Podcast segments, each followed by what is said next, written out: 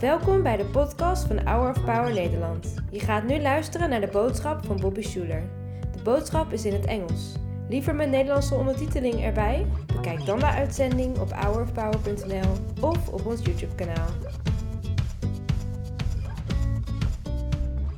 Well, no matter who you are, would you stand with us? Hold your hands like this as a way of receiving from the Lord. Let's say this together. I am not what I do. I am not what I have.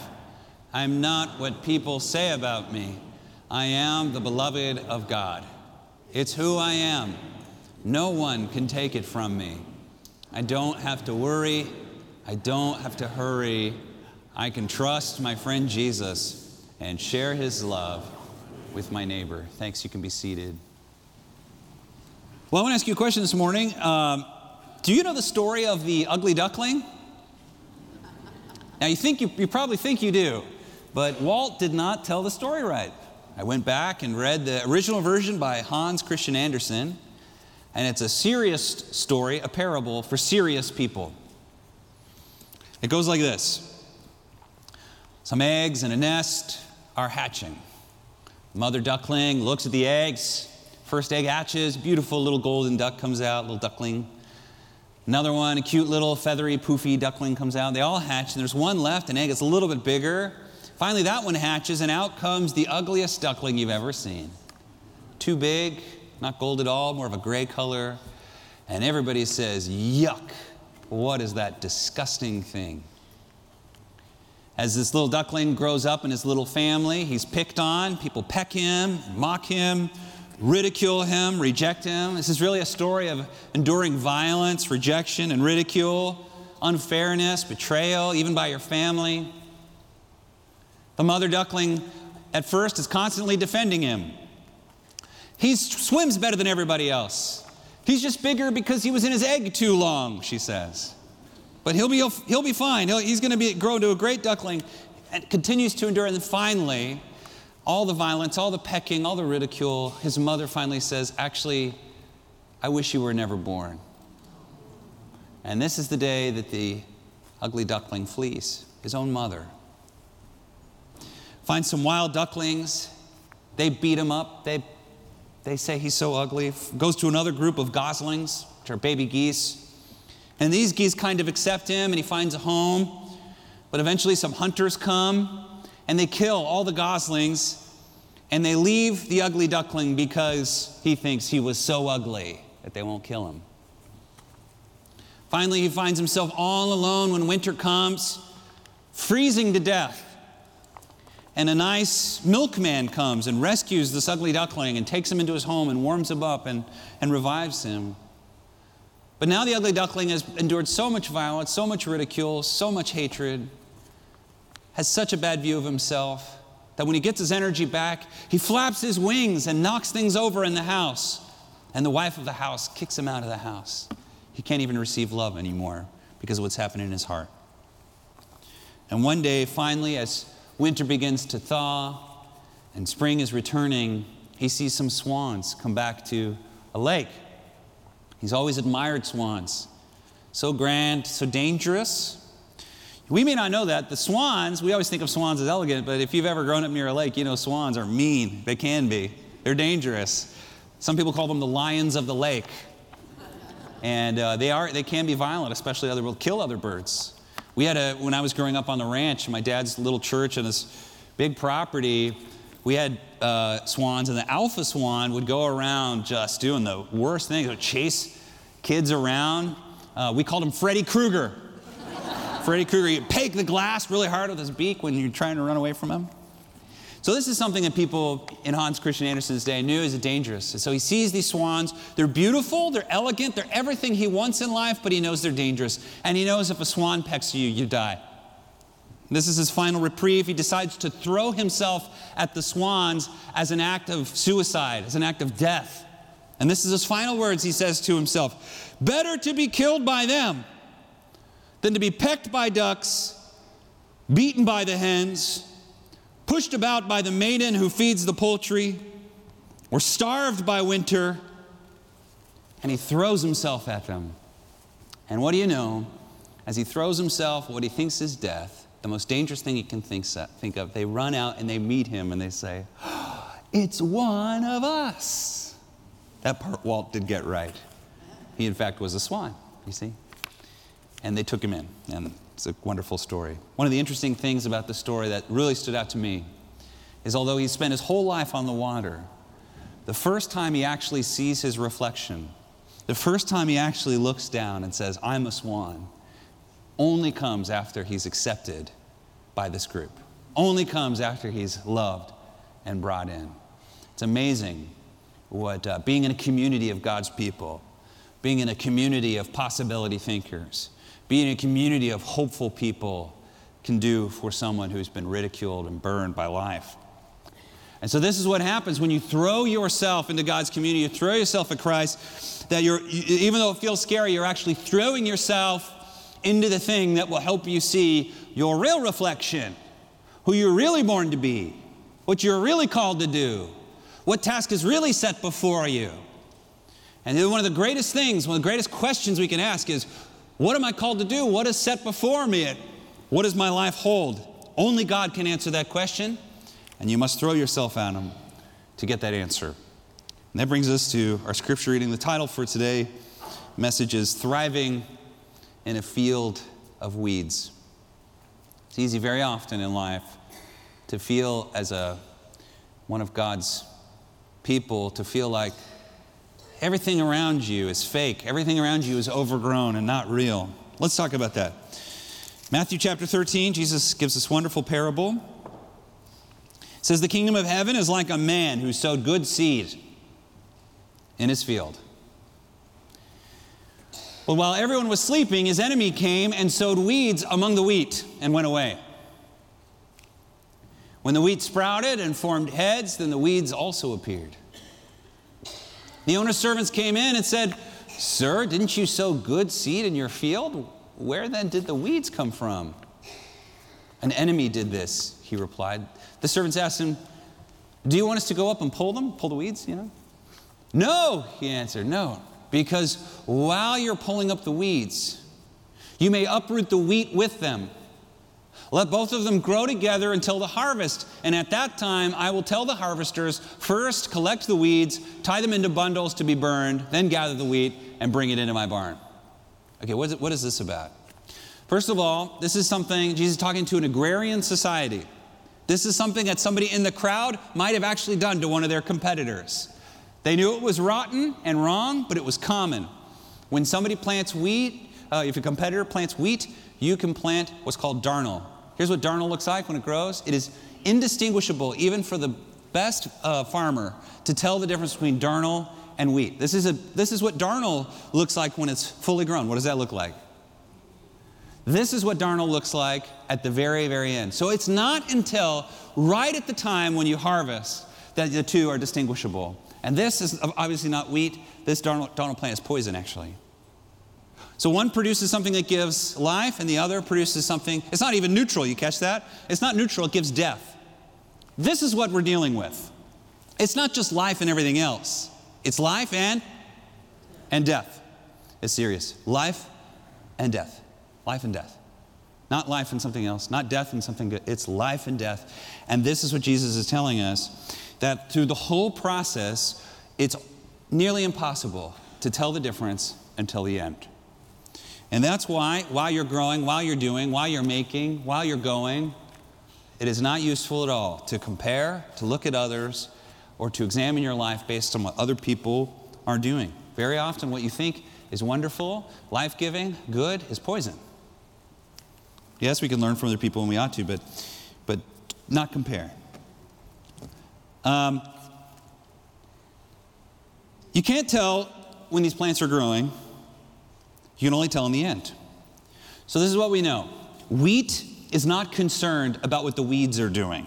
But we do believe that the weeds that are growing around us are very concerned about outdoing the wheat. We know that the weeds that grow among us the fakers, they hate the real deal. We know that the weeds mock, that the weeds look down. We know that the weeds that grow in the field have shallow roots. Why do they have shallow roots? Because nobody can see roots. And yet we know in the end plants with shallow roots don't last very long. I'm not saying this in a judge, judgmental way. I'm simply saying that in your life, wheat doesn't judge, it doesn't respond, it doesn't compare, it just grows. So here's my advice to you this morning just grow. Just grow. The more you grow, the better your life will get. Let the, let the roots go deep. If you have choices between branches reaching for the sky or roots reaching for the nutrients in the soil, you choose the roots. Both are good, roots are better.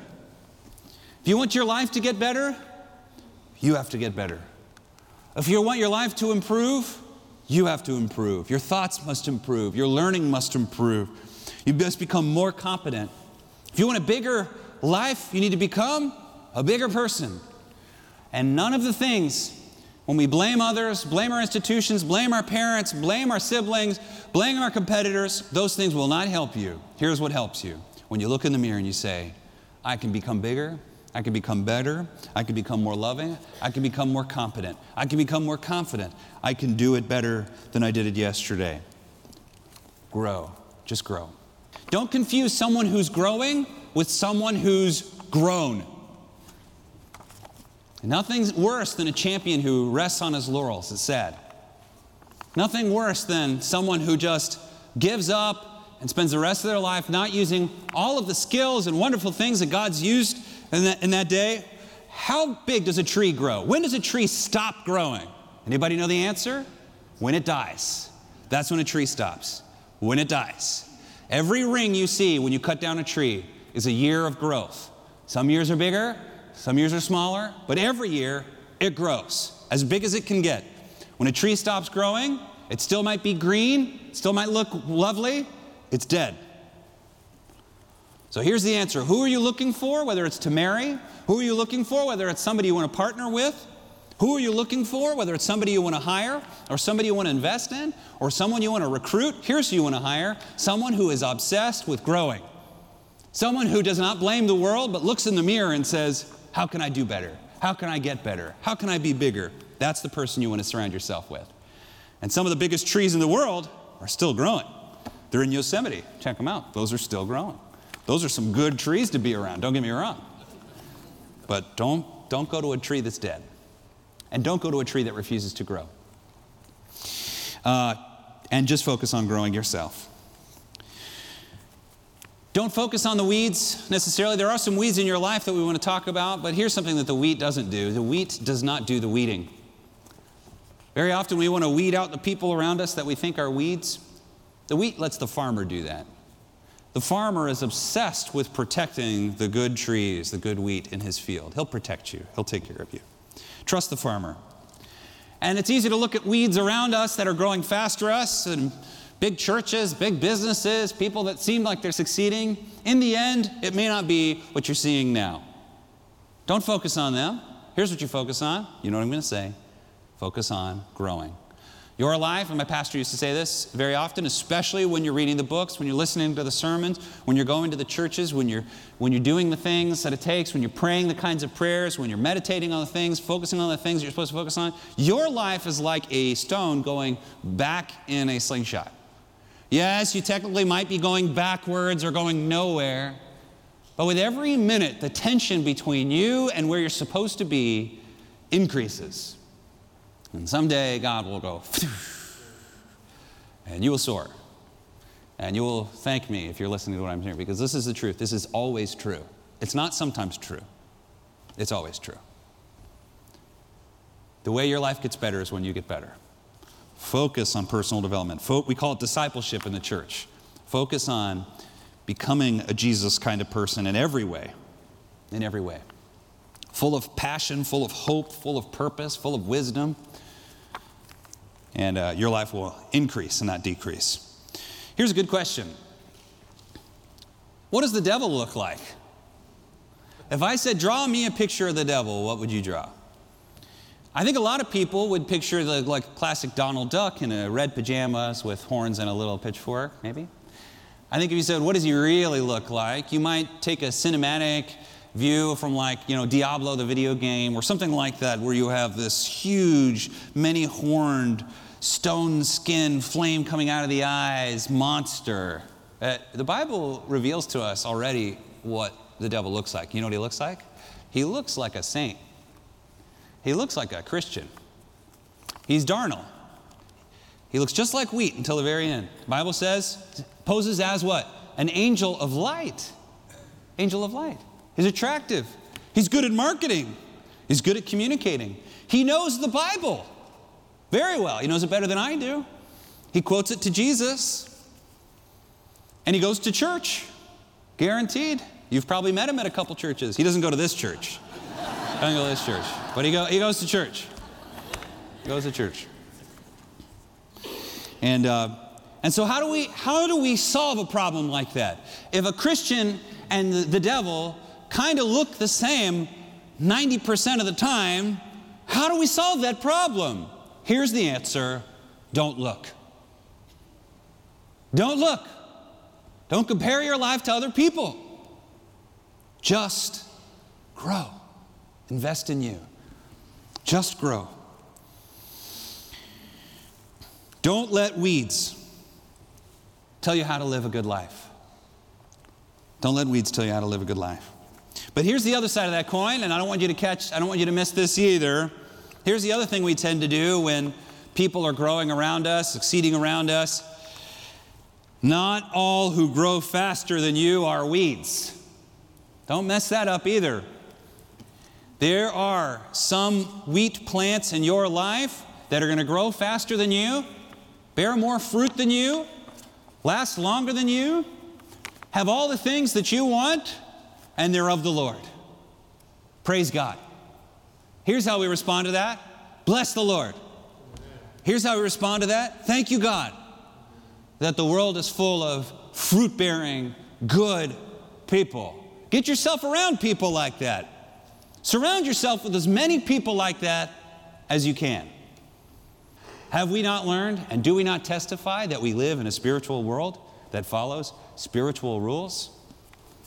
We follow these rules, we obey these rules, we build our lives around these rules, and we do these rules, and our life gets better. Pray for and bless those who have what you want, who want what you want, who are going or are where you want to be. Bless them and do, do not curse them. Bless them. Now, this parable is talking, when it talks about wheat and weeds, it's talking about people, but I think we can apply this to our personal life. Uh, you sow a dream, a business, you sow a dream, a project, a work of art, a book, a club, something. You, you start this thing that terrifies you, but you know you have to do it or you'll die. So you, you sow the dream. The better the dream is, you nurture the dream, you care for the dream. Here's a promise weeds are out to kill your dream. The better the seed, the better the soil, the bigger the weeds. That's a promise. And here's where the weeds are. These are the weeds you do pull up. They're in your head. And they're two things.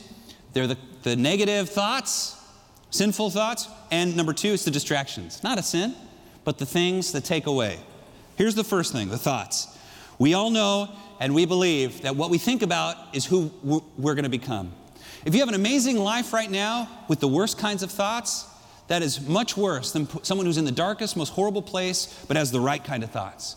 Your thought is a compass, it's a map, it's a course for where your life is going. It's an absolute rule. This rule cannot be broken. If you're not where you want to be, it's the result of thinking. We got to change our philosophy, change what we believe, and change what we think about. And there is one weed, one thought above all that is ruining your life. Above all, all, this is the worst. This is the one you kill. This word is judgment. Judgment. We do it all the time. Judgment is the opposite of forgiveness. When we judge others, we sabotage our life. It Puts you in a box, it ruins your life, it sabotages your future. If you're judging others, especially groups of people, you will never achieve what they have, ever. You completely have sabotaged your life when you do that. So don't do it. We don't need to do that. God's the judge. We don't need to judge others. If you, maybe you're in an office, you have to do that. But other than that, unless you're in some kind of position of authority, and only do it with You know, okay. So, thoughts. Number two, distractions. This is the other thing that'll kill the seed you sow. Distractions are the type of thing that are not evil. In fact, some distractions are kind of good, but they're still going to take away from where God wants you to go. They're not bad, they're expensive. You ever had an expensive distraction? New video game, new show on Netflix, got to get the work done, got to make the call, got to visit the person, but one more episode. Hey, listen, I like shows as much as the next person. I like to relax. But those distractions, when they get too much in our life, they take us away from where we're supposed to be and they cost us a lot. You want an edge in this world, in this very distracted world? The world has never been more distracted ever than it is right now. You want an edge in that world? Get rid of your distractions. The fewer distractions you have, the higher your velocity goes. The fewer distractions you have, the shorter your time horizon for your dream gets. Get rid of those distractions. Looking back, you're not going to go, wow, I'm glad I spent all day Saturday catching up on that show. You know, spend an hour catching up on the show. Don't spend the whole day. And the fewer time you spend on those distractions, and the more time you spend with the people that you love, your family, with the person you love the most, the Lord. You love the Lord the most? Are you clothed in Christ? Is your first and last thought every day? When you, when you make what matters truly matter based on how you spend your time, that's your most valuable resource, your life will be blessed. I know I talk a lot about time, but it's the most important thing. It's the most important resource you have. If you take care of the hours and the minutes, the years will take care of themselves. We thank you, Lord. We love you, and we're grateful for your wisdom and for the Holy Spirit. Lord, you've provided a door for us, but we must seek it out. We must ask for it. We must knock on it. And when it opens, we must walk through. I pray, Father, that no longer will we be bogged down by the weeds that sur- surround us, but we will be committed to you, Lord. And it's in the strong name of Jesus we pray. All God's people said, Amen. Amen. And now the Lord bless you and keep you. The Lord make his face to shine upon you and be gracious unto you. The Lord lift his countenance upon you and give you his peace. In the name of the Father, and of the Son, and of the Holy Spirit. Amen. Bedankt voor het luisteren naar de podcast van deze week. We hopen dat deze boodschap jou heeft bemoedigd. Wil je meer weten over Hour of Power of dagelijkse bemoedigingen ontvangen? Ga dan naar www.hourofpower.nl.